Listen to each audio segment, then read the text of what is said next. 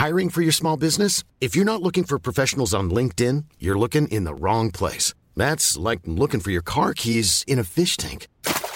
LinkedIn helps you hire professionals you can't find anywhere else, even those who aren't actively searching for a new job but might be open to the perfect role. In a given month, over 70% of LinkedIn users don't even visit other leading job sites. So start looking in the right place. With LinkedIn, you can hire professionals like a professional. Post your free job on linkedin.com slash people today.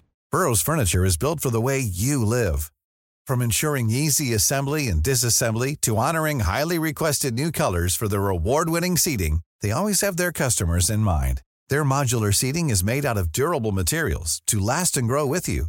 And with Burrow, you always get fast, free shipping. Get up to 60% off during Burrow's Memorial Day sale at burrow.com slash ACAST. That's burrow.com slash ACAST. burrow.com slash ACAST. Mm.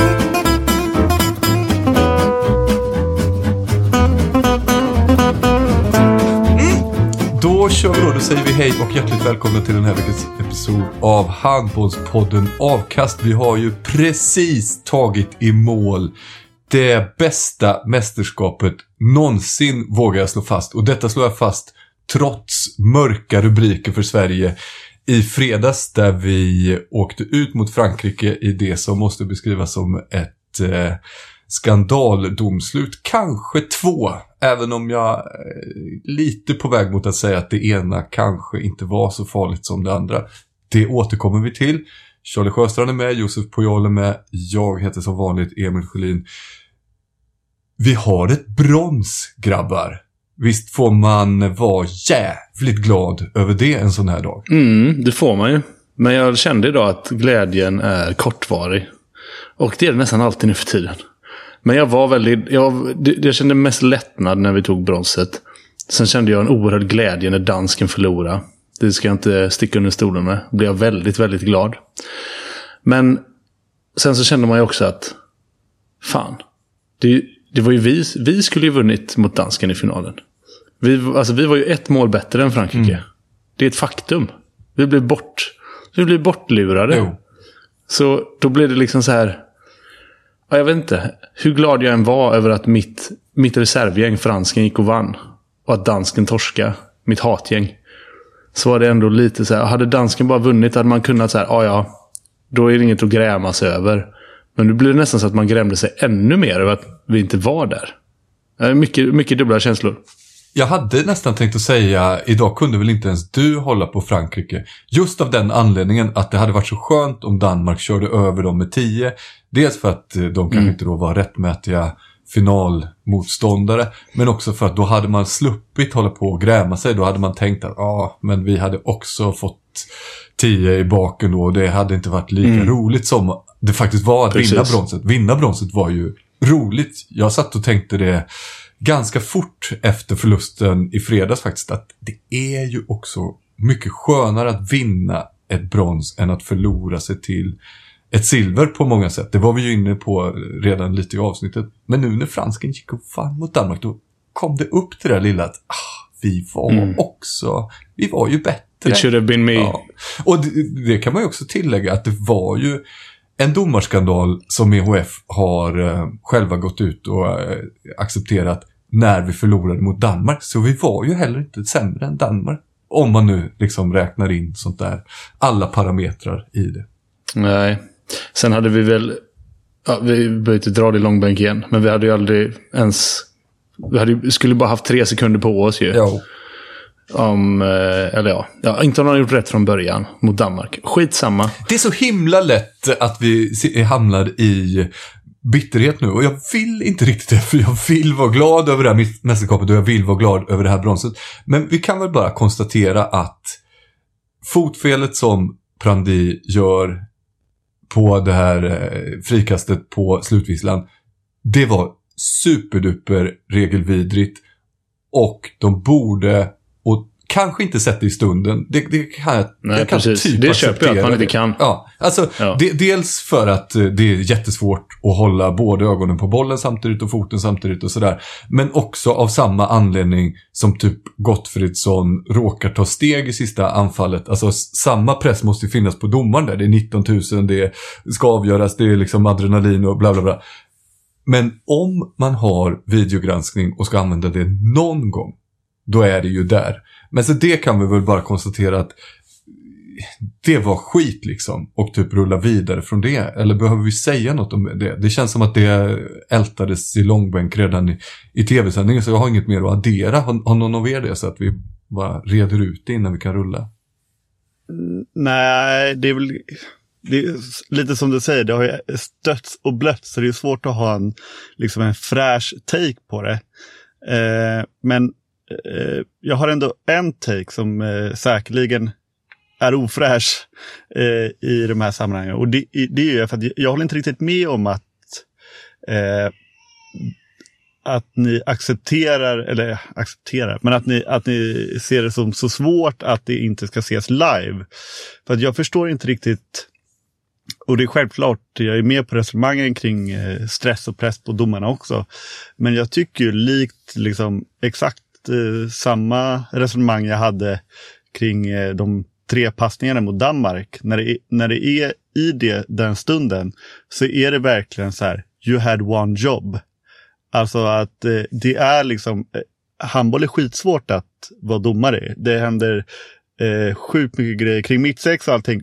Men, men jag förstår inte varför den domaren som är vid eh, muren, eller eh, ja, plandomaren i det här fallet, stå, dels står Nej, där, men, men står nej, det, och okej, det, två det jag. släpper skytten med blicken överhuvudtaget. Eh, Nej, för, de, för du menar att de kan kolla, Det det, för det kan de kolla jag. på video sen menar du? Så att egentligen behöver han inte stå där. varför Ja. måldomaren ens ska stå vid mål. Nej, men, Eftersom- men, men Men jag... Men, Ja. Det kollar de varje gång. Är det ens nästan tveksamt på. Ja. Ibland så går de ut och kollar på mål där alla i hallen vet, men de vill vara säkra. För, Eh. för plandomaren har väl, om vi ska slå fast det, i, egentligen two jobs va? Alltså det är dels att hålla koll Ja. på skytten och positionen, men det är också att hålla koll på muren.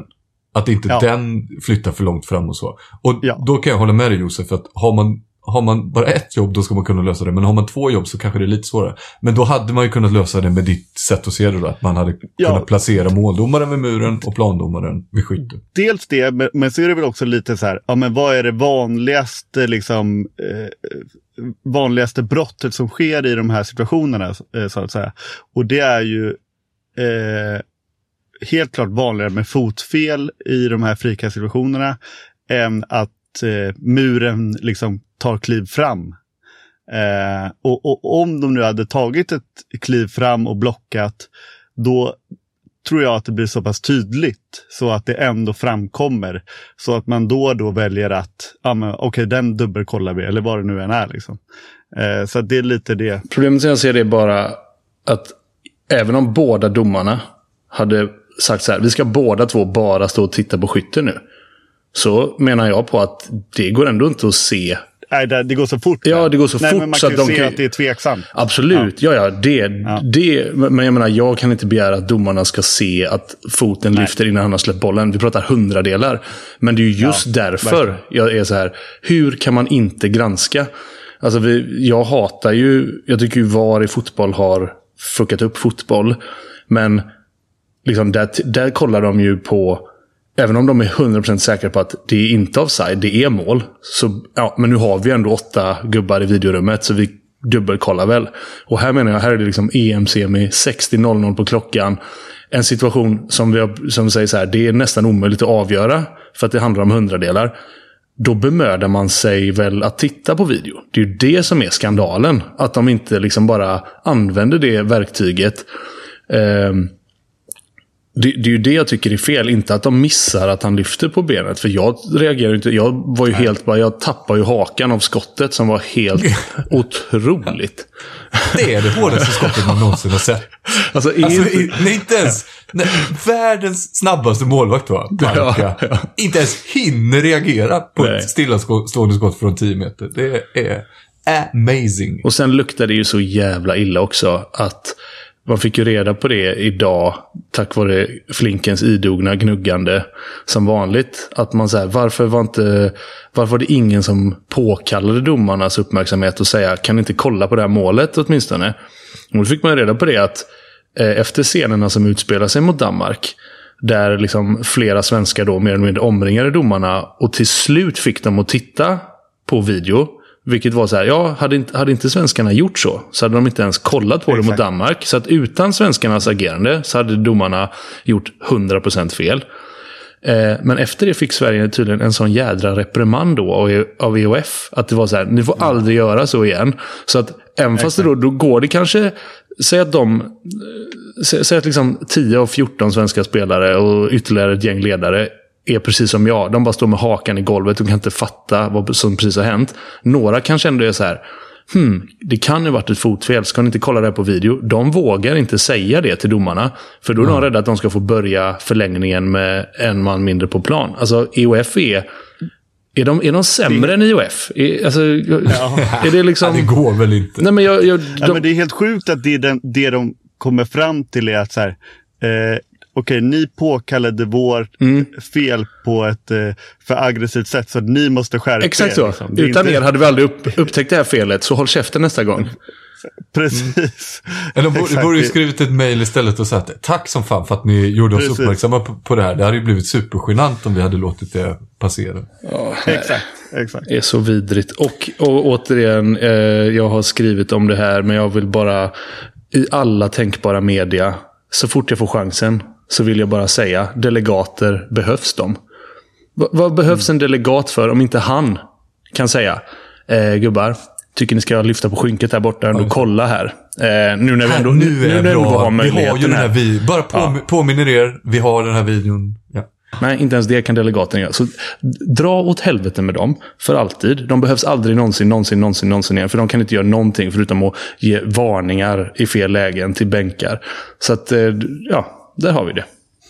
Men det, men det är också... En liten delegat-rant fick du in där. Ja, men du är också inne på något just angående IOF och de här domarna. Alltså, jag menar inte att så här, det här är inte en korruptionsanklagan i det. Nej, det har varit så, jä nej, alltså, det var så jävla iskallt och bara så här. Vi ser till att de får ett frikast på slutet. Alltså det går ju inte, det går inte att vara alltså, riggad till. Då är man fan. Men jag tror inte heller, alltså, jag tror inte heller så här, nej, att de var köpta. Så, jag, verkligen inte. Nej, men, men jag vill bara säga det att, att de här domarna har ju varit under utredning för från, eller där, danska TV2 har jag haft en eh, lång eh, granskning kring eh, matchfixning mm. inom handboll. Eh, där de här domarna har varit under ja, anmälan eller utredning eller vad man nu ska säga. Och där då domarchefen för IOF, alltså pappa Najewski, är, han, han blev avstängd. Mm. Till slut. Eh, till slut ja. Och, och, och jag vet, jag har nämnt det här innan för att jag reagerade så kraftigt på det. Det, eh, det var ju något mästerskap sen för, ja, det kan vara tio år sedan, där Claes Hellgren typ sa det liksom. Att eh, i alla fall pappa Necheski är liksom en ful fisk. Hur kan UF utsätta sig för att behålla de här domarna. Oavsett egentligen vad som hände i den, i den här matchen. Oh ja. alltså, borttaget från det. Men, men det är helt sjukt att man liksom så här en sätter sig själv i, i den risken att istället för bara säga så här, ja grabbar, det, det är lite surr kring er, så ni får sitta lite på, ja, men, på ja, men spola, spola, tillbaka, spola tillbaka 50 avsnitt eller ett år.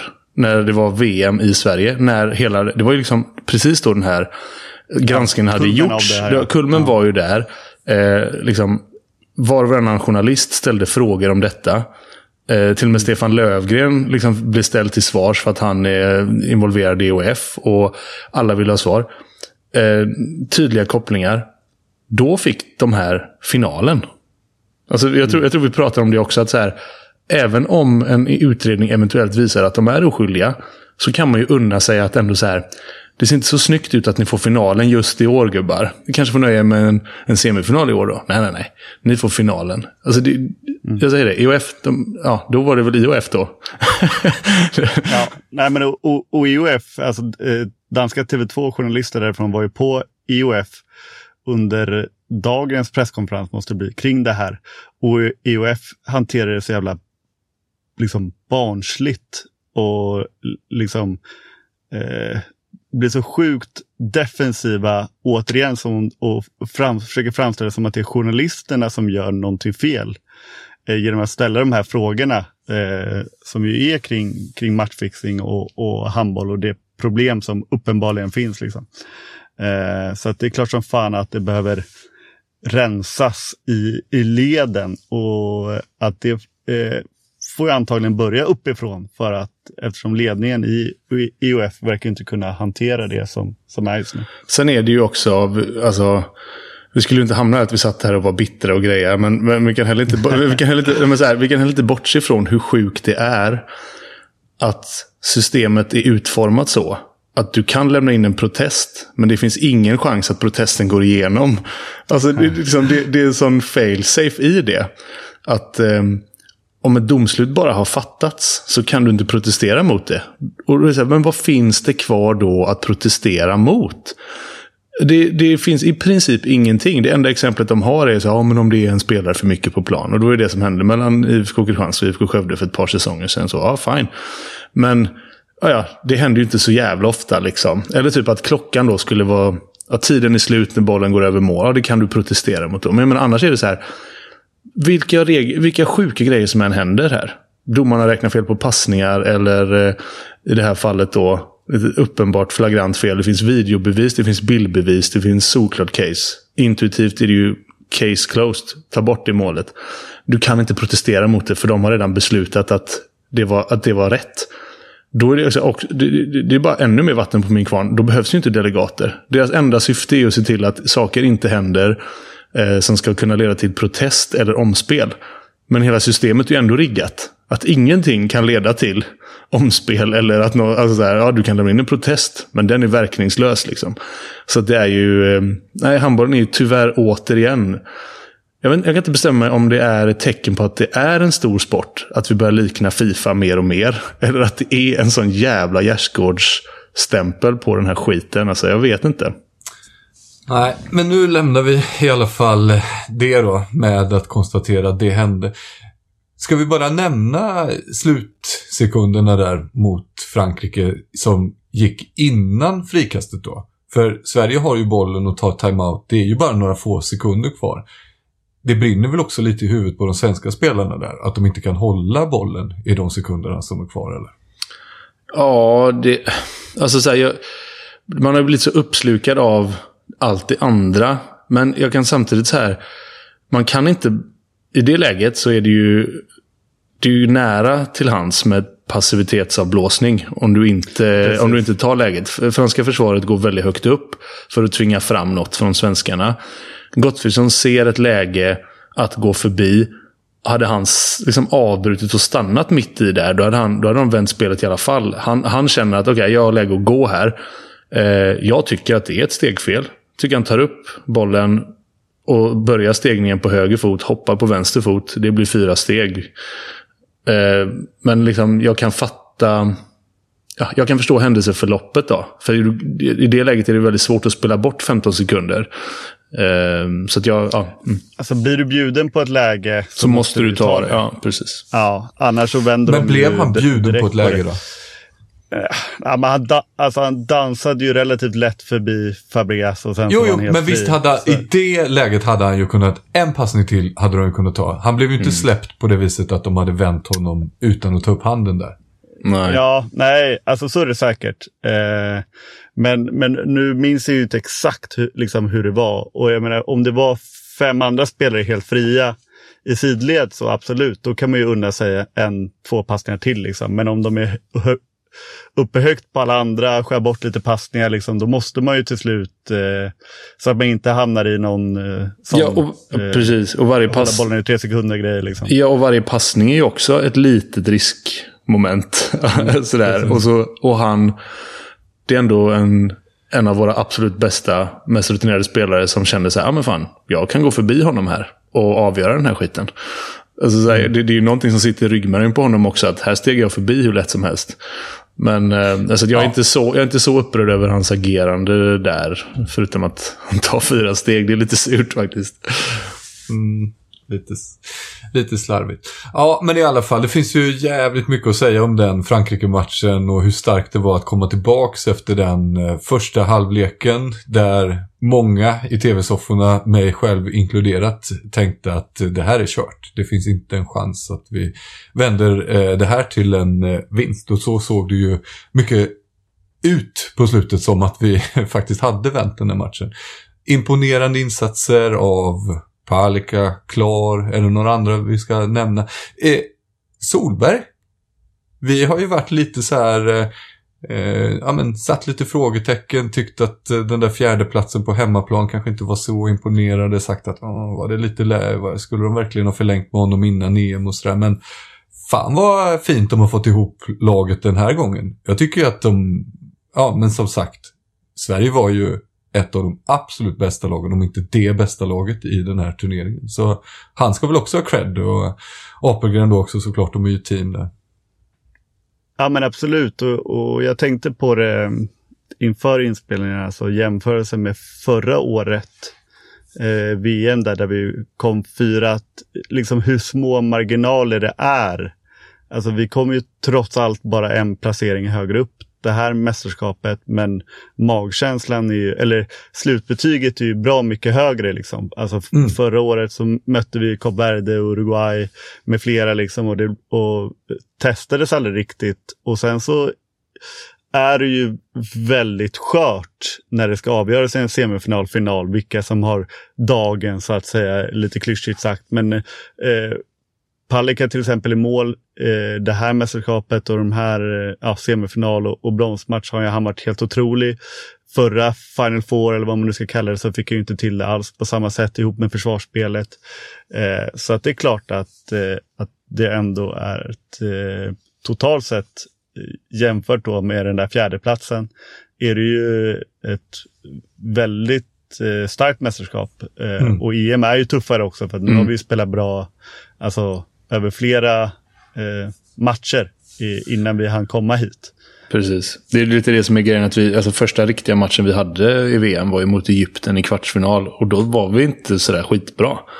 Och i, i semi så hade vi ingenting mot Frankrike. Alltså det var en jätteblek match. Och sen blev vi liksom avklädda mot Spanien efter en...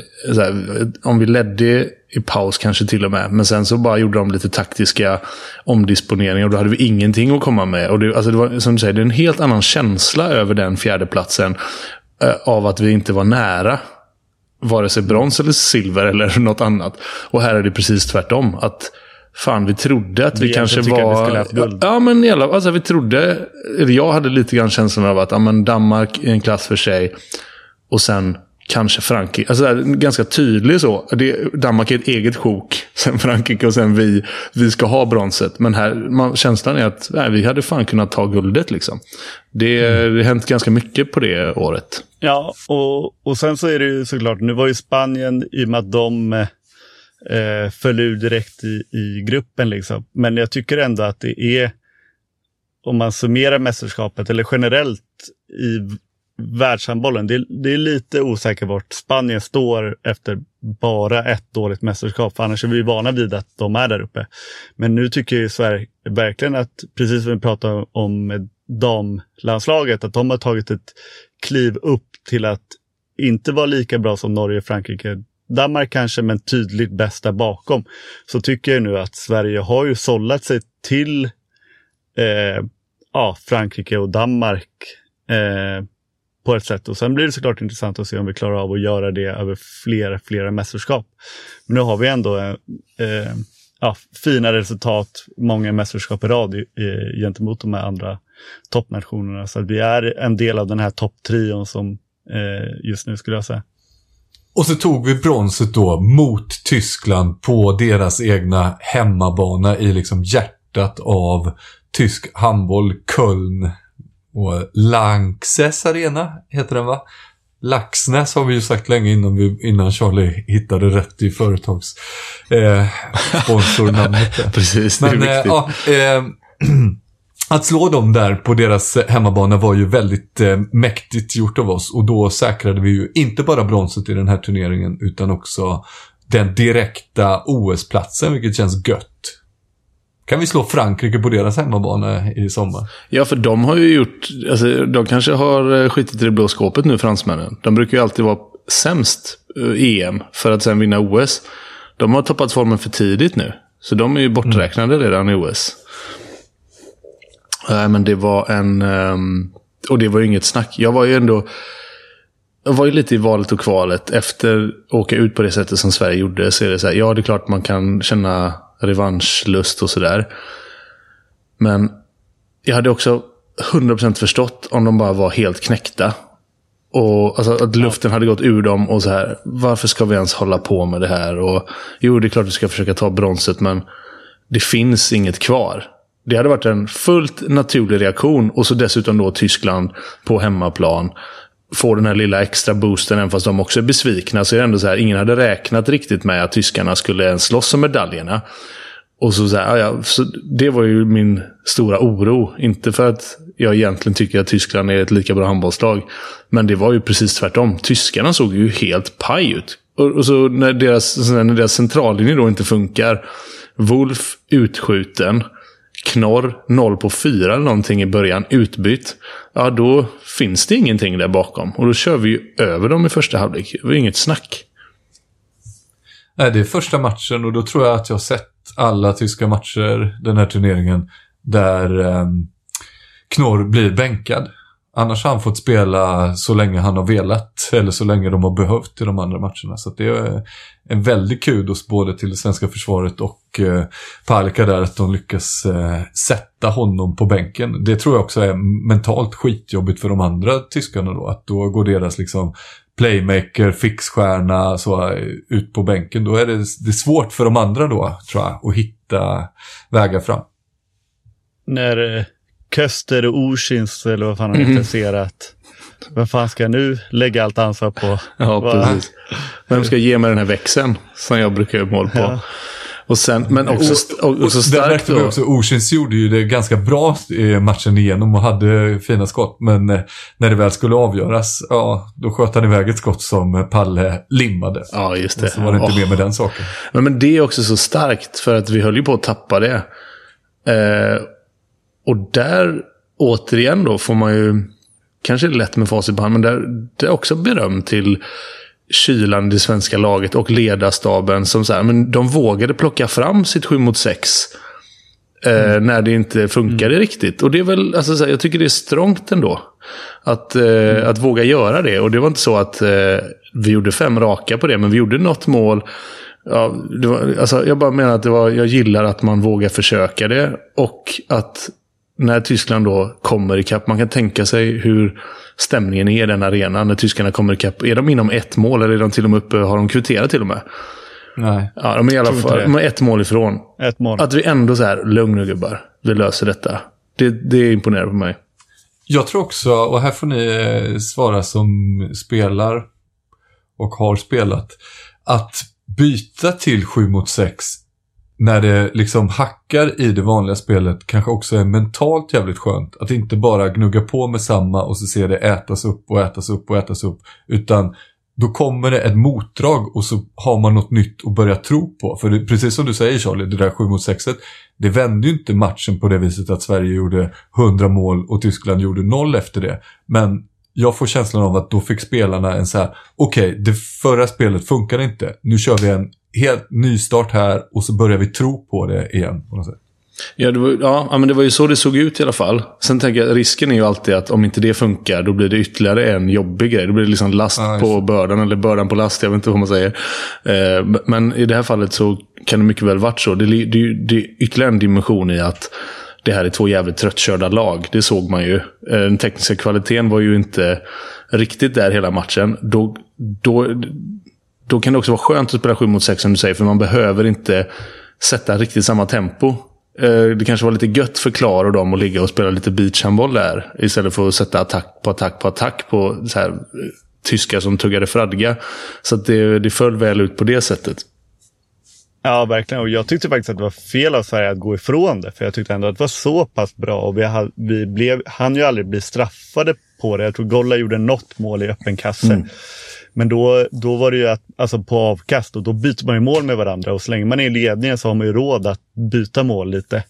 Eh, så att, eh, sen så, det spelar ju ingen roll i slutändan. Men eh, det var ändå intressant att vara så pass bra att eh, det bidrog inte bara till det mentala utan också spelmässigt så funkade det bra.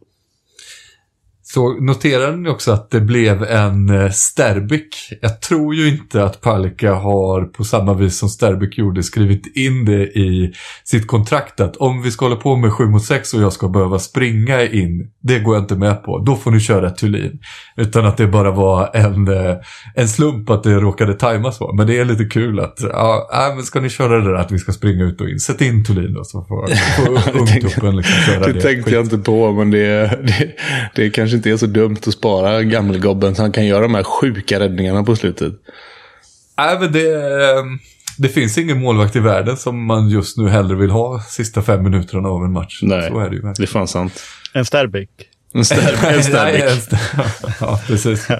Nej, men eh, på tal om det, eh, faktiskt, så, så tycker jag att det är en av mina mest återkommande käpphästar när det kommer till mästerskap är ju den här skitidén som de håller på med att ta ut All-Star-teamet innan oh, medaljerna fan vad jag har tänkte på det fördelats. Idag. Alltså det är så fruktansvärt störigt mm. eh, att de inte bara kan vänta då. Det är några timmar till. Och då, då jag, för jag, jag kan inte förstå Nej. varför de ska ha gjort det innan bronsmatch och innan finalmatch. Har, har ni någon liksom vettig, för jag, jag, tycker att det finns jättemycket i vågskålen vänta. Det vill säga ja, vänta in de viktigaste insatserna i turneringen. Även om man då rankar det som har hänt innan som kanske 80% så måste man ju ändå ranka de sista matcherna som minst 20% av insatsen i en turnering, tänker jag. Så då, då finns det ju jättemycket i vågskålen. Vänta. Ja, alltså Men vad jag... är det som finns i vågskålen? bestämde innan. Lättja och logistik. Kan, det är bara att de ska få in rösterna, tänker jag. Att det är, liksom, det är x antal som ska säga någonting om det här. Om det är så att, jag tror inte att de sitter jag tror inte det är ett fysiskt sammanträde där de sitter och pratar om det. Men det är liksom, alla ska få säkert skicka in sin röst då. Innan ett visst klockslag. Mm. Så ska någon sammanställa det och skicka ut en kommuniké. Och då hinner de inte med det. Uh, ifall Emil Sjölin från Avkastpodden inte svarar efter finalen för han är ute och dricker öl. Ja, det, det, är ju det enda, det är det enda anledningen. Men det är, det är ju helt fel. Precis. Det är ju helt fel. Alltså för så här, titta på Juri Knorr. Han är liksom, hur kan han vara med i All Team? Han är ju största jävla eh, pappsyket när det, när det gäller. Va? Hur kan inte Felix Klar vara där? Titta på hans semifinal, titta på hans bronsmatch. Ja, men vad är det han frågan om? mot Färöarna eller så. Ja, ja nej, nej, men liksom... Det är ju... Nej, men det exakt. Ja. Det finns ja. ju säkert något i den där andra vågskålen, men, men det ska ju inte väga så tungt. Nej, och oklart vad. Men som tur är då, så har vi gjort i EHF en tjänst och tagit ut ett riktigt All-Star-team där eh, även final och bronsmatcherna vägs in. Och jag har varit så fräck då så att jag har tagit ut det. Men så tänker jag att det blir nog bra podd om eh, ni får reagera då på hur vårt gemensamma lag ser ut. Och jag är ju så prestigelös va? så att eh, om ni argumenterar väl för att vi ska byta ut en spelare, då gör vi det. Okej. Okay. Vi börjar i kassen.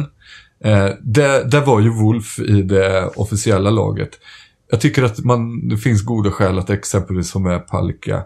Men jag fastnade för den danska andra keepern inför turneringen. Det vill säga Emil Nielsen.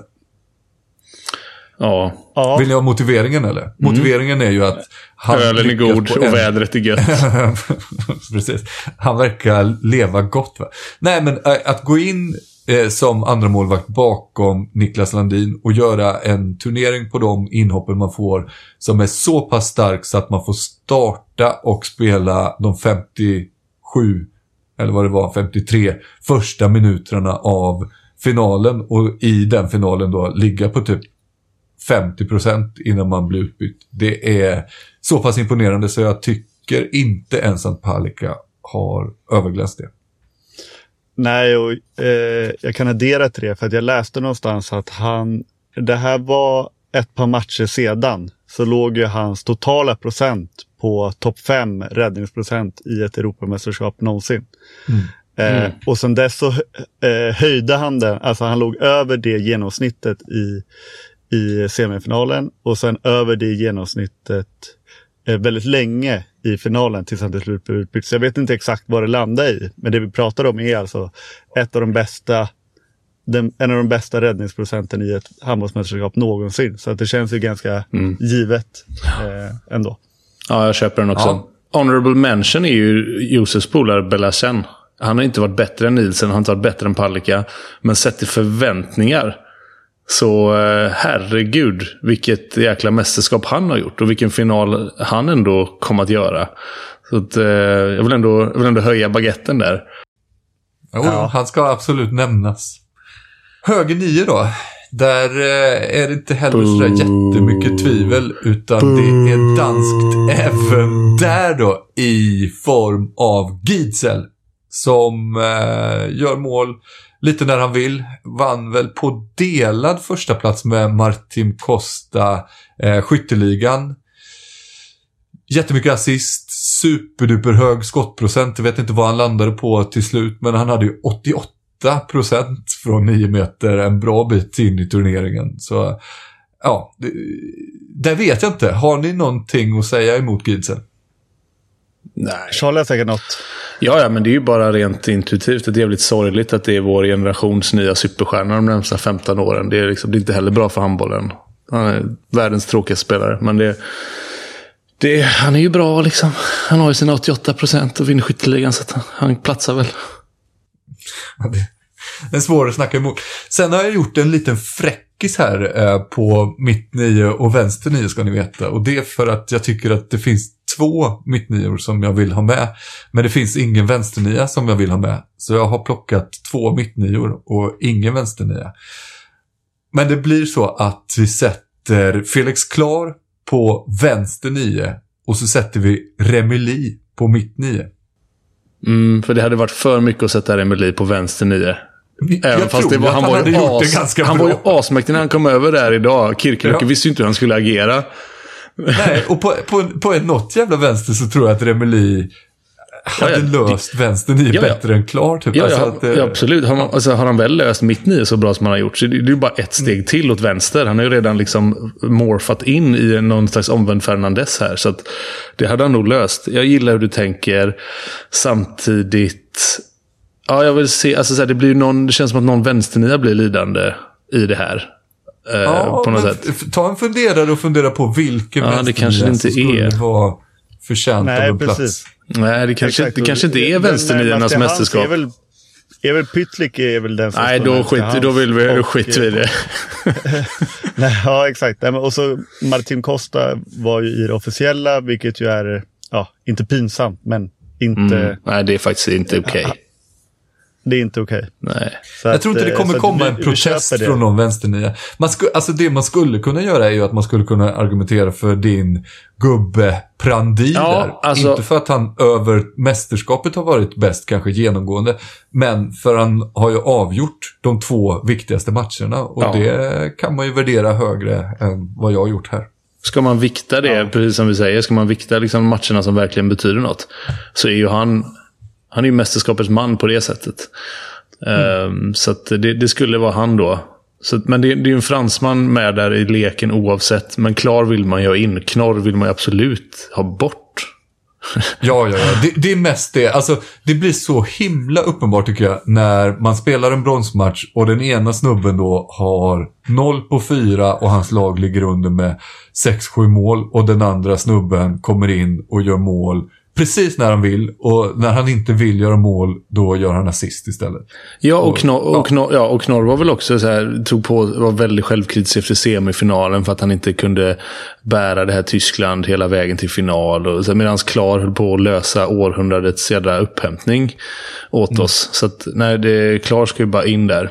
Så att, eh, ja, men kör Remeli vänsterny då. ja, okej. Ja, klar mitt, eh, Remeli vänster då. Eh, mitt sex, Fabregas. Ja, Eh, det här tänkte jag ta upp. För vi hade, det här, det här vet ju inte lyssnarna om. Men vi hade, i det avsnittet när Emil Bergen var med och gästade.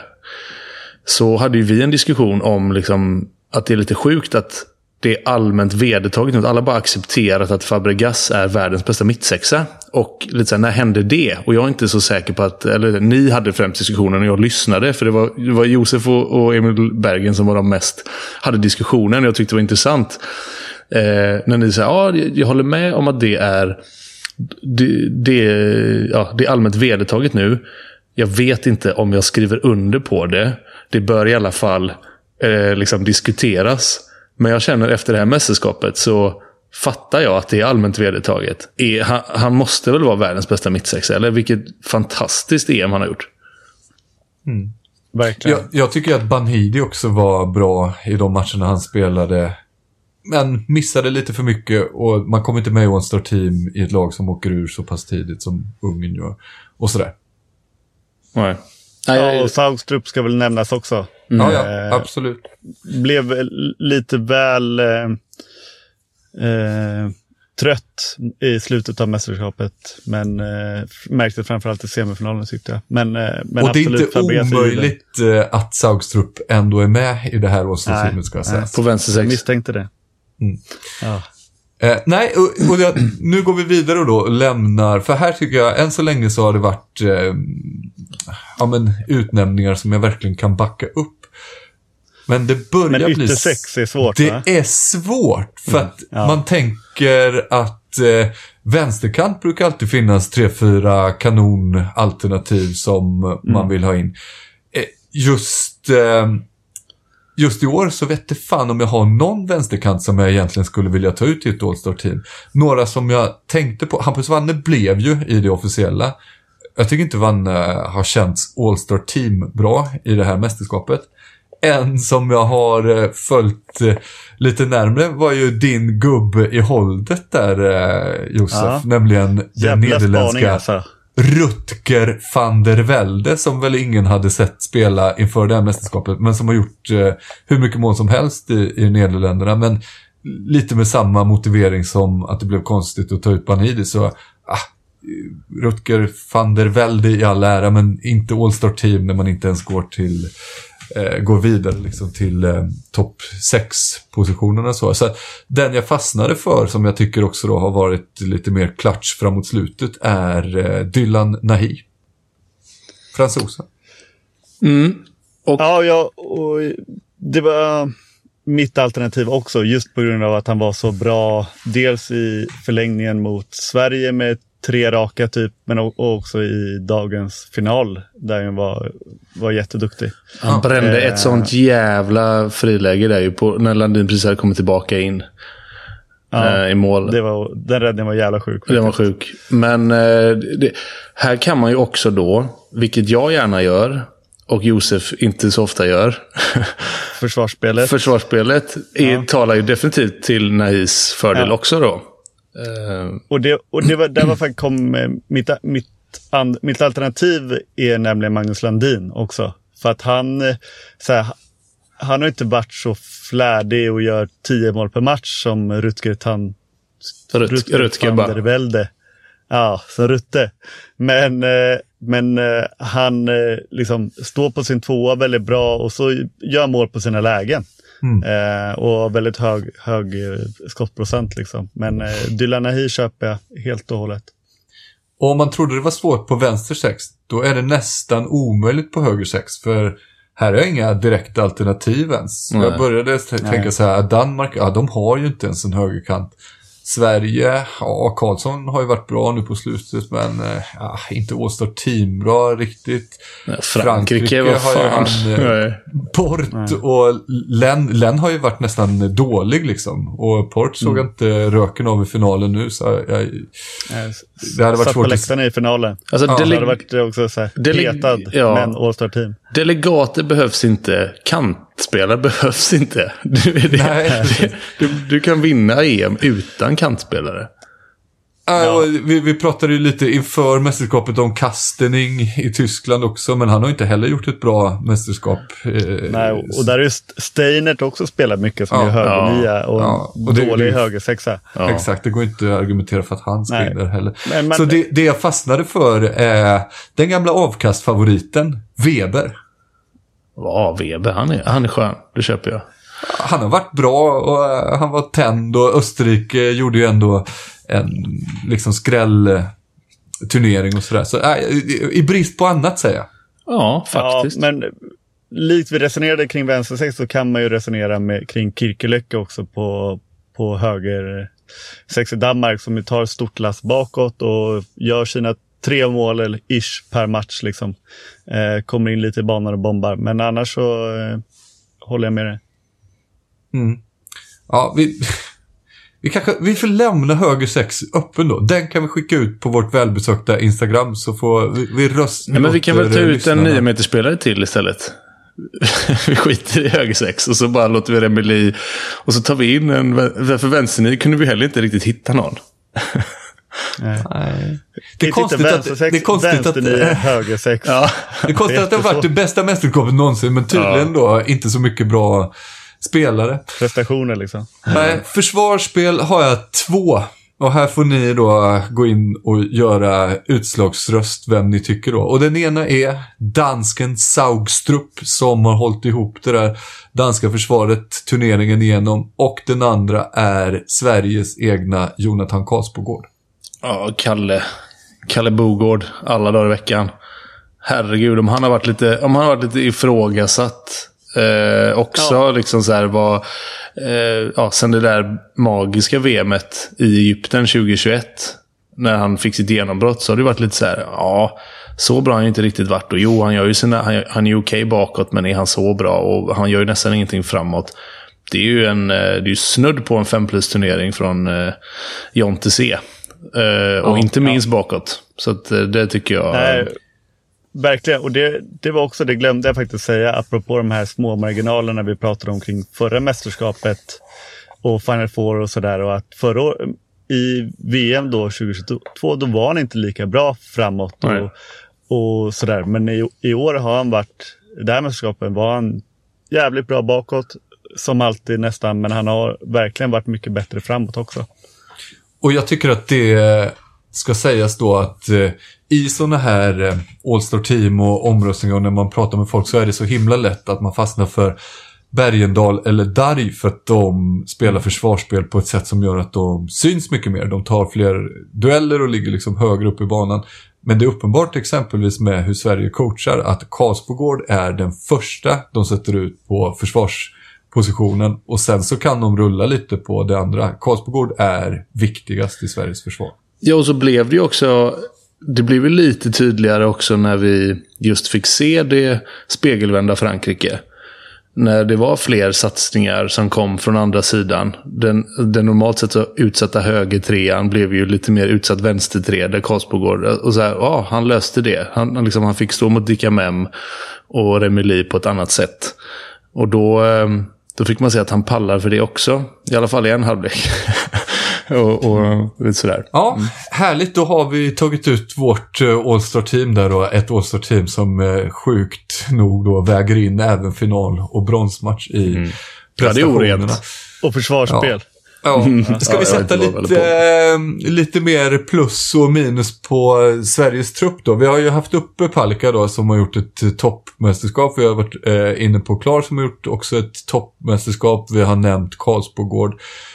Ska vi eh, kolla lite på kanterna då? Hur tycker vi att Vanne Pellas har skött vänster sex? Ja, men, det är inte lika bra som de har gjort innan. Men det är ju samtidigt så här. Det var intressant när jag såg att Vanne kom med i All Team. Det var jag bara så här, hur kan de ta med Vanne? Och sen när man tänker efter, ja men man kan väl lika gärna ta ut honom. Alltså det, är, ja. det är ingen som har stuckit ut det verkligen. Så det, det, på sätt och vis har det ju inte behövts. Vara, jag, har, jag, har inte sett, jag har inte sett statistiken, men det måste ha varit färre kantskott det här mästerskapet än vanligtvis va? Jag vet inte. Det, det kan, ja, ja, ja, alltså, jag vet Det inte fan. känns, känns som att många lag, åtminstone mot Sverige, det kanske skiljer sig åt. Det kanske är bara en taktisk grej att man, man förstår att Vanne och Pellas är så pass bra. Men det känns som att fler lag nu släpper utsida två och ställer ettorna för att ta kantspelarna. Eller så är det, det liksom en spaning på uppstuds bara att Innan har det känts som att du kan kasta ut bollen till vilken kantspelare som helst i valfritt lag av de här topp fyra. Så gör de 9 på 10. Och nu är det inte så. Och det är kanske inte nödvändigtvis att de har blivit sämre utan att målvakten har kommit ikapp eller vad, vad det än är. Alltså det, det är väl därför det inte finns någon så här supertydligt svar på vare sig höger sex eller vänster sex. För att ehm, de kan ha sex på nio en match och ändå vara bäst i världen på sin position. Och det, så brukar det inte, så har det inte sett ut de senaste mästerskapen. Så någonting har ju hänt där. Jag vet inte riktigt vad. Ja, men jag tror också, ja, men jag tror också en, en, någonting som har hänt i det här, i alla fall för oss, eller när man liksom tittar och att det inte är den yttre som har stuckit ut riktigt, är ju att alla finallag coachar, alltså tidigare har det varit, ja men kantrotterna, de får spela 60. Eh, de behöver knappt vila, men Sverige byter på klockan, Danmark byter på klockan, Frankrike byter på klockan, eh, förutom i finalen. Och då blir det liksom svårt att ackumulerat göra så, sticka ut liksom målmässigt så att det blir Weber eh, för att han gör en stark, eh, ett starkt mästerskap och kommer högt upp i skytteligan ihop med straffar. Liksom här. De flesta lagen byter ju halvlek och byter så att det blir inte så mycket mål.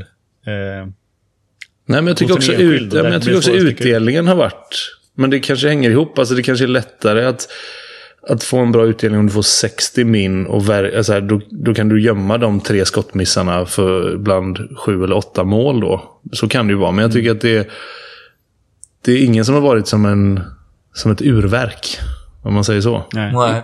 Nej. Och det kanske också leder till coachningen. Så att säga. Ja, alltså, har man en precis. gubbe som sätter 10 på 10 så blir det lättare att byta på klockan. Mm, Högerkanterna då. Avkastfavoriten DP och avkastfavoriten Sebastian Karlsson. Det är en dubbla favoriter där nere på högerkanten. Hur eh, värderar vi deras mästerskap?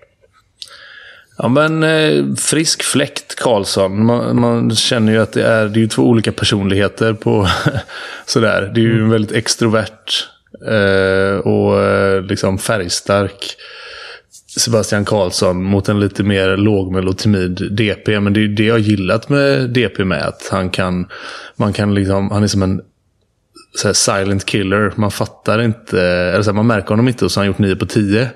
Men det har inte riktigt varit så det här mästerskapet. Man märker honom inte och så har han gjort 2 på 4 bara. Och det är lite, så att DP är ett av sina svagare mästerskap tyvärr. Och också lite grann det här att han har bränt några lägen i, ehm, ja, i slutskedet, liksom när det ska avgöras och sådär. Så att eh, nästan så här, med tanke på att det är mästerskapsdebut för Karlsson så eh, är det lättare att ha, ge honom ett positivt betyg än DP. Lite på grund av förväntningar och historia och sådär.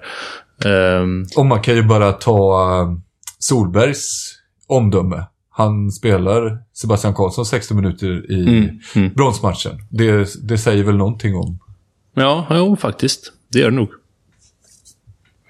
tror jag. Ja, höger nio då. spelar väl DP, DP spelar väl i och för sig 60 i semifinalen då. Men, eh, Ja, det gick ju inte. Men, Då eh, torskar vi ju. ja, nej. Men, men jag ska bara säga en sak. för att jag, eh, Det här var något jag reflekterade över när vi när Ekberg kom tillbaka. Och man tänkte att ja, ja, men nu får vi ju 10 mål per match på höger sex, för det gör ju Ekberg alltid. Men, men så blev det aldrig riktigt. Och jag tror mig att jag i alla fall för mig själv har konstaterat att vi, vi får inte så mycket utspel på högersidan. Så att det blir liksom aldrig de där nio avsluten på höger sex och kan, kanterna där får inte chansen att göra nio mål på samma sätt som där vi, där vi engagerar vänsterkanterna mycket mer. Eh, har jag tänkt på. Mm, det kanske är något Tänk. i... Tänk om man hade spelat i ett sånt lag. då. Ja, Ja, Ja, jo, men då, du, du är inne på något där då, för de passningarna ska väl i sådana fall komma ifrån höger nio och då tänker jag att det kan vara värt att värdera hur högerniorna, Albin Lagergren och Sandell, har skött sig i det här mästerskapet? Ja ja men det, alltså det, det är något konstigt i att eh, sitta här och tycka att Sverige är mycket bättre än för ett år sedan. Och vi är definitivt ett av världens tre bästa lag. Det är det bästa mästerskapet någonsin. Bragdartad insats. Men ändå är jag inte sådär... Åh, fan vad bra han har varit. Om så många. Det är, liksom, det är några som sticker ut. Det är Klar, Palicka och sen säger Karlsbogård gör sitt bästa mästerskap sedan 2021. Albin. Det, alltså, man kan inte säga att Albin Lagen inte är en jävligt bra handbollsspelare. Men jag tycker också att jag har sett Albin Lagen bättre. Jag tycker jag har sett Sand mm. ja, Sandell. Vet du, I och för sig, Sandell kanske. Ja, han har ja, nog, han är nog gör sitt bästa. Bästa, ja. mm. bästa mästerskap. Ja. För jag tycker att de tidigare åren har man ändå känt att det är skill Det tror vi pratade lite om inför också. Att han är en av de som har utvecklats mycket de senaste åren och att mm. det ändå var ett eh, större glapp mellan högerniorna mm. förr. Och det är det ju inte på samma sätt nu. Sen tror jag att utan veta så är känslan att Albin har slitit lite med fysiken under det här mästerskapet. Alltså dels den där ljumsken och så har han fått mycket stryk och det bara inte känns som att han är helt pigg och kry och fräsch. Eh, vilket ju såklart gör det svårare att leverera på toppnivå. Men jag tycker inte heller att det är hans bästa mästerskap. Så jag är i mångt och mycket enig i det Charlie säger. Mm. Mitt nio, vi har varit inne på det, klar. Kanske det här mästerskapets bästa spelare tillsammans mm. med Gidsel och Remeli då kanske. Men eh, otroligt bra. Gottfridsson, alltid bra ju. Mm. Men vi hade ju lite det på känn inför att eh, det kan vara om inte det definitiva tronskiftet så är i alla fall 50-50 i styrkeförhållanden. Eh, sen om det är allt, sen är det inte säkert att det blir så, men kvalitetsmässigt så är det ju, har ju Klar en betydligt bättre höst än vad Gottfridsson har i ryggen. Och nu tycker jag, eller så här, det, det känns ju som att det går ju mer och mer mot att det kommer bli Klars landslag. Eh, mm. Även om jag tror att Gottfridsson är en spelare man vill ha med. Han är, för det första är han tillräckligt bra för att platsa i ett svenskt landslag. Över, alltså det är ingen det, det är så här att nu ska vi fasa ut honom till en Kasper Kjell. Det är inte det jag säger. Alltså, men, men, men liksom, jag tror att framöver så kommer det snarare bli utmaningen för Eh, Glenn Solberg och Jim Gottfridsson och Mikael Apelgren att hitta balansen i att han är tillräckligt bra för att vara med, men han är kanske inte tillräckligt bra för att spela mer än 15-20 minuter per match. För att han har, han har klar att konkurrera med. Men han är så pass viktig ändå som ledare och symbol för det här landslaget. Så att han absolut ska vara med. Så jag tror att det blir nästan en, så här, det är det de ska balansera framöver. För att klar bor, styrkeförhållande tycker jag är 60-40 eller 75-25 eller hur fan du nu vill liksom, eh, ja, om man ska dela upp det. Då tycker jag Klas ska spela 45 minuter, och, eller 40 då. 40 minuter och Gottfridsson 20. Då landar vi 66-33 då. Eh, så, så tycker jag att det är, så ser framtiden för det landslaget ut. Och det ska man, eh, ja, man ska hitta ett sätt att få det att funka. Men det är ju två världsklass mitt nio, det kan vi ju slå fast. Såg ni intervjun som Gottfridsson gjorde med SVT när han fick frågan hur mycket det betyder ja, för honom att alla, spela i svenska Alla har väl sett den med det här laget. Den är delad oh, en miljon alltså, gånger. Som, Vad fint det var. Eh, som gåshud eh, faktiskt. Bara därför ska ju han bli uttagen. Även om han hamnar liksom i rullstol. Ska han fortsatt bli ja. uttagen. Verkligen. Det är för härligt faktiskt att han älskar det så mycket. Sen har vi vänstern i då. Du, du nämnde det, Charlie Karlsbogård där. Eh, bättre än eh, ja, på något mästerskap eller två. Men vi har ju också Erik Johansson som inte har gjort det så bra som vi förväntar oss av en så pass kompetent handbollsspelare. Och sen Carl Wallinius som har fått ta lite smulor här och var bara. Ja, och det, man kan ju man kan ju bara lägga det till högen av hur ännu mer imponerande det här mästerskapet är ur svensk synvinkel. Att Erik Johansson, som jag inför hemma-VM för ett år sedan kanske såg som Sveriges nyckelspelare. Eh, och, och då var han också då var han bra. Men det där mästerskapet som du säger, det, han, är ju, han är ju svag. alltså direkt svag och spelar med dåligt självförtroende och får inte till det alls och man lider med honom. Men att vi ändå kan hålla den kvaliteten och att Karlsbogård kan lösa den vänsternian på det sättet. Eller klar för den delen, när vi spelar med den uppställningen.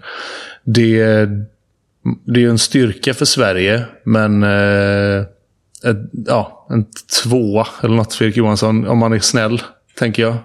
Ja, Wallinius spelade för lite för bedömning. Ja, ja, det, precis. Det kan man Det, säga. det ska väl sägas Som Simon om Möller Jonte också. Edvardsson. Jonte Edvardsson och, och Simon Möller också. Eh, men, men vi kan ju röra oss till kassen då. Simon Möller eh, får inget betyg den här turneringen. Det, det kommer nog turneringar där han får betyg vad det lider. Men eh, Palikka Thulin, gött målvaktspar va? Ja, det kändes... Alltså, ja, det är det ju. Men när man summerar hela mästerskapet så gör ju inte Thulin en superbra ändå.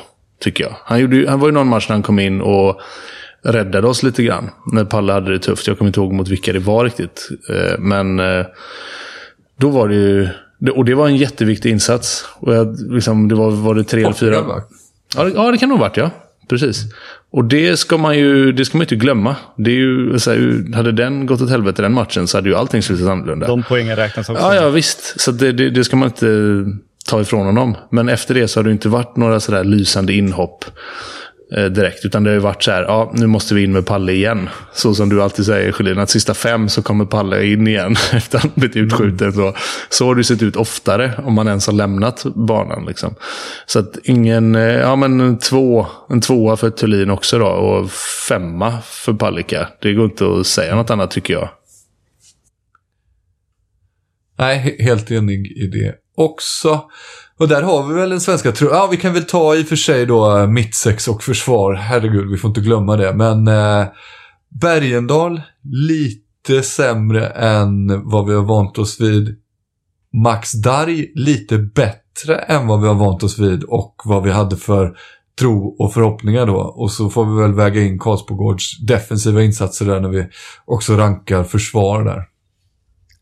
Ja, och i ett så här, summa summarum mittsex så tycker jag de har varit eh, riktigt bra faktiskt. Eh, framförallt offensivt. Eh, alltså det var ju lite känslan förra mästerskapet. Eh, att eh, ja, du har mycket du vill säga eller? Emil? G- gränsfall på om vi ska väga in Andy Nilsson eller om han har för lite Ja. spel. Spelat för lite för att betygsättas. Ja, men det är precis på gränsen va? Ja, ja, Ja, precis. exakt.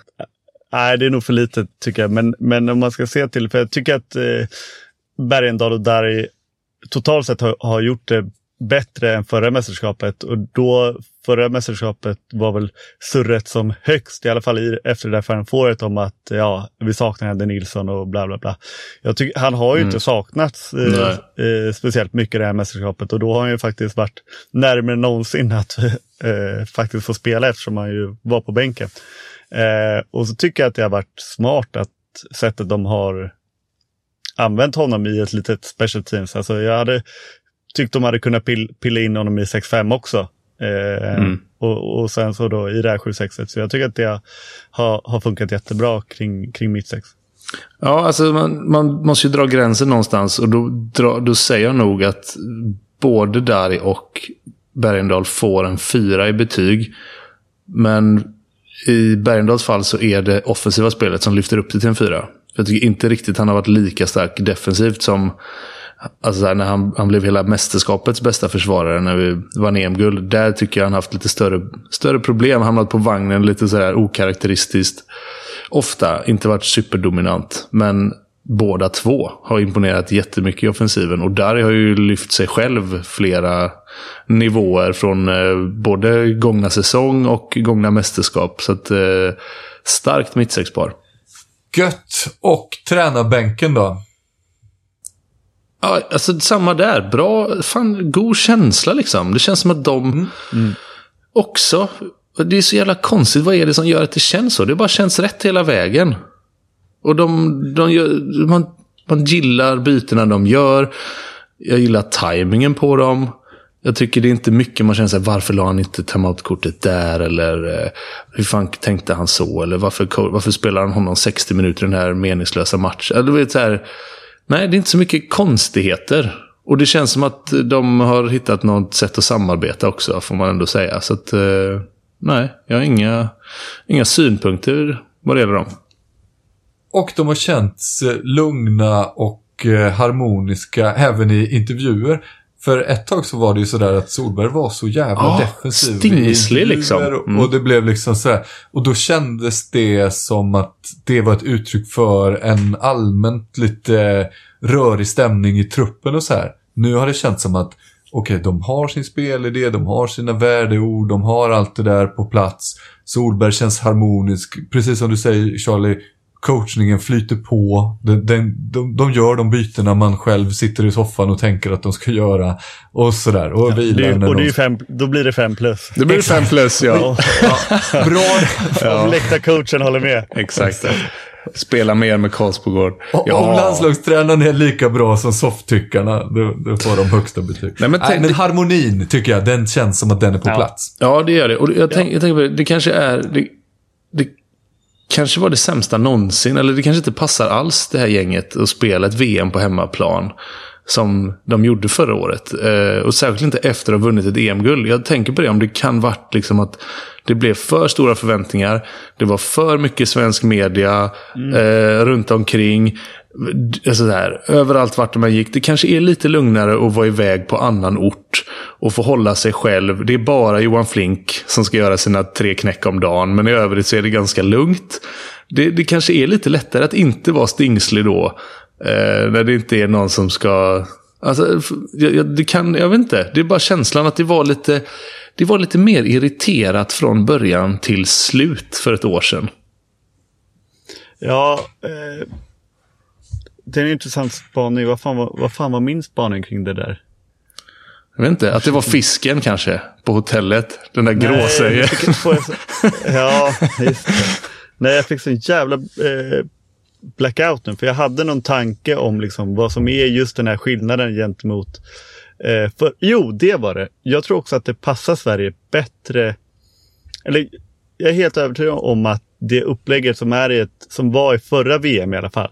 Med alla de här skrattmatcherna och sen så gå skarpt in helt plötsligt. Att, att det inte passade. För att det känns som att man inte riktigt kom in i mästerskapet. Alltså eh, på det sättet. Alltså ta Palicka som, eh, som det största, eh, klart bästa exemplet är att Ja, jag vet inte vad jag håller på med nu. Men Jo, men det är svårt för honom ta, att komma igång. Ta Palicka Ja, som, ett, mm. som ett tydligt exempel. Alltså när han väl är, är het och varm, då är han så här bra som han är, är nu.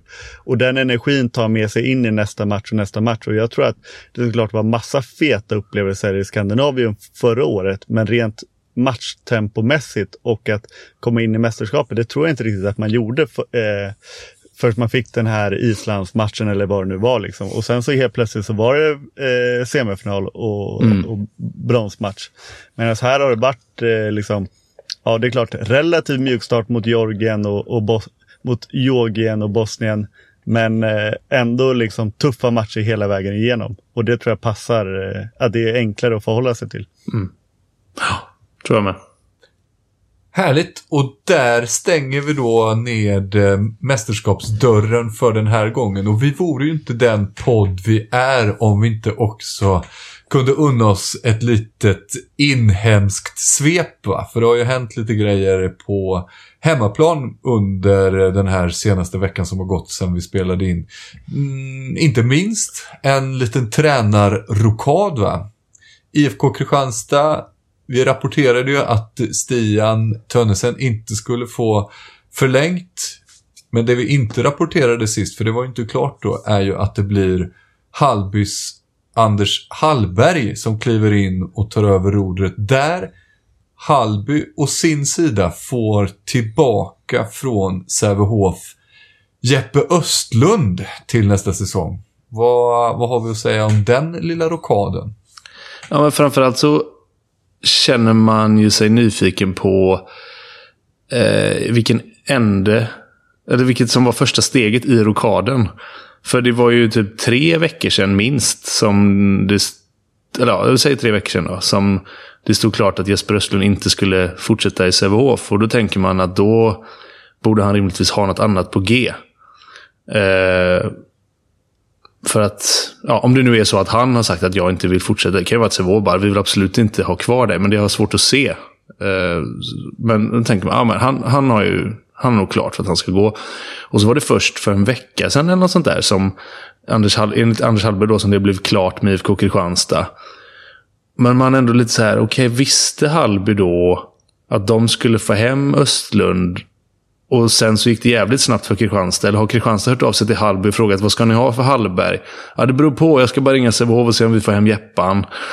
Den, jag tycker den är lite intressant att höra. Eller det hade man velat veta i alla fall. Hur det här har gått till. Den här lösningen på något sätt. För jag antar att Östlund behövs för att Hallby ska kunna känna att de släpper Hallberg på det sättet i Kristianstad. Det är det ena. Det andra är att det är, ja, men det är ett intressant val. Det är ju ett vågat val med IFK Kristianstad-mått mätt, framför allt. Det är en relativt oprövad tränare, ung sådan. Det är inte det är inte Ola Lindgren, Stian Tönnesen, Jonas Wille. Det är inte den typen av... Eh, ja, även där är det en annan hylla. En, eh, Jubbo Vranjes ja, kan man ja, ja, just det. Jag glömde, glömde honom. Också. glömde ja, världens ja. bästa tränare 2014. Mm. Precis. Så det, det, det, är ju ett skifte i IFK Kristianstad som vi varit inne på. På både spelarfront och tränarfront nu då. Ja, och de var ju, var ju inne på det att de eh, var ute efter en tränare som både jobbar och utvecklar det kollektiva men också det individuella.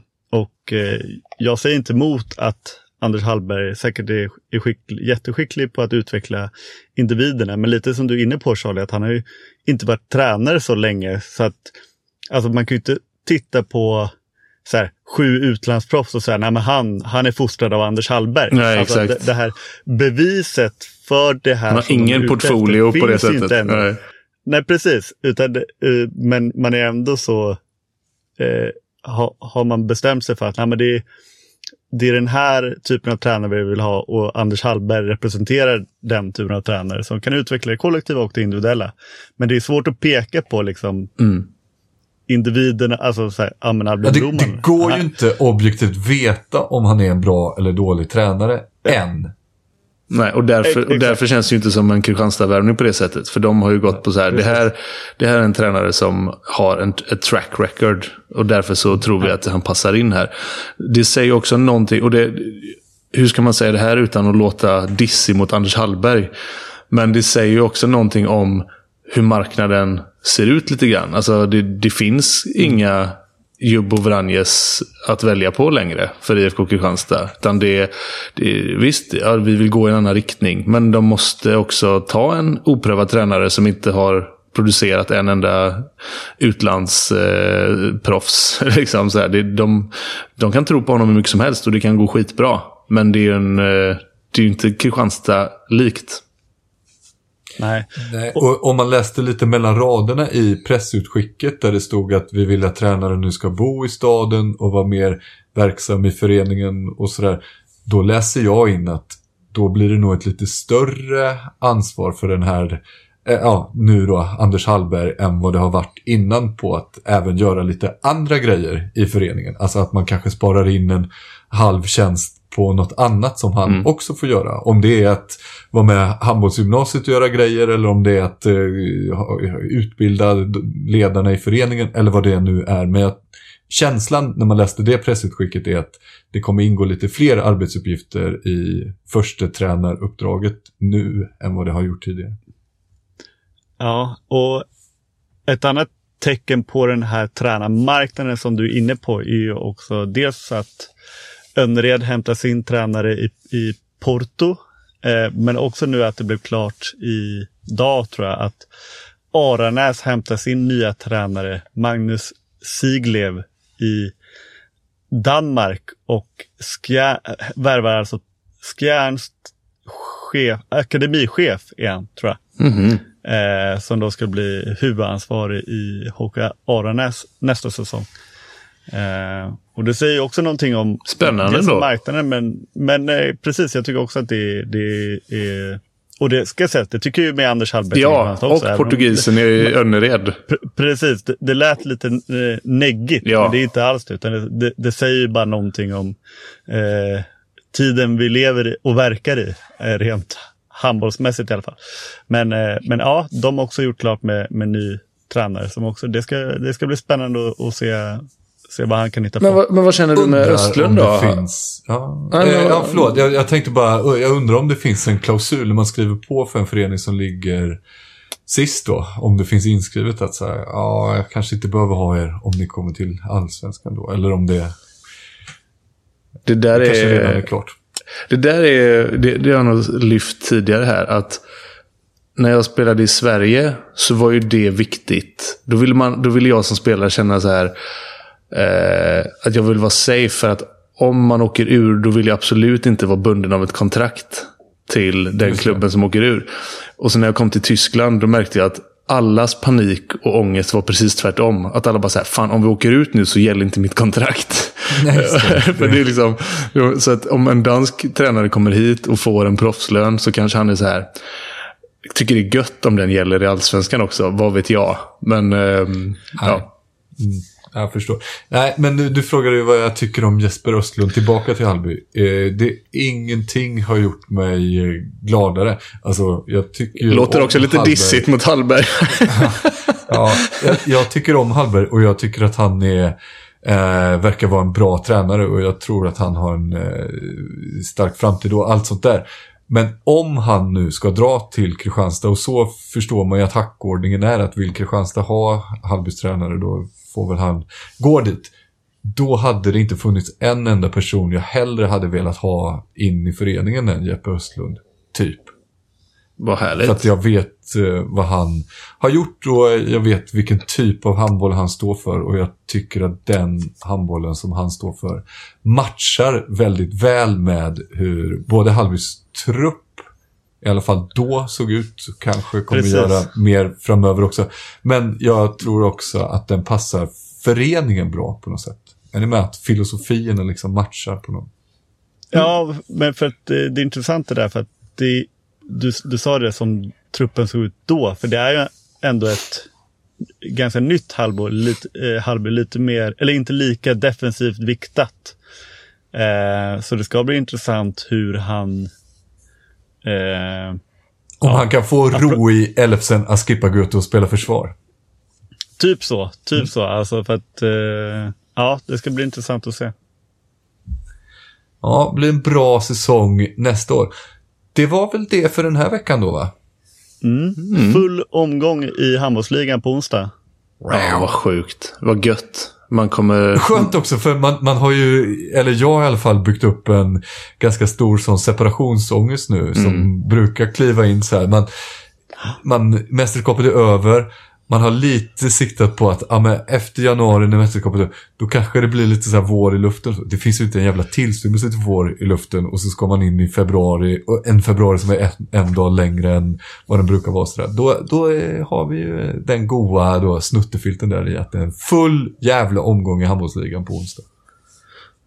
Precis. Hammarby-Lugi, va? Hur känns det? Börja... Jävlar, allt att förlora den matchen ju. Det som är, vanligt. Den är läskig, hörru du. Ja, som vanligt. Ja, men gött då. Då säger vi På så. tal om som vanligt så kommer alldeles som vanligt Kjelle Höglund med den fina låten Genesarets sjö här. Tack som fan för att ni lyssnar. Rötterna blir starka när det blåser Luften blir friskare när åskan går Det blåser på Genesarets sjö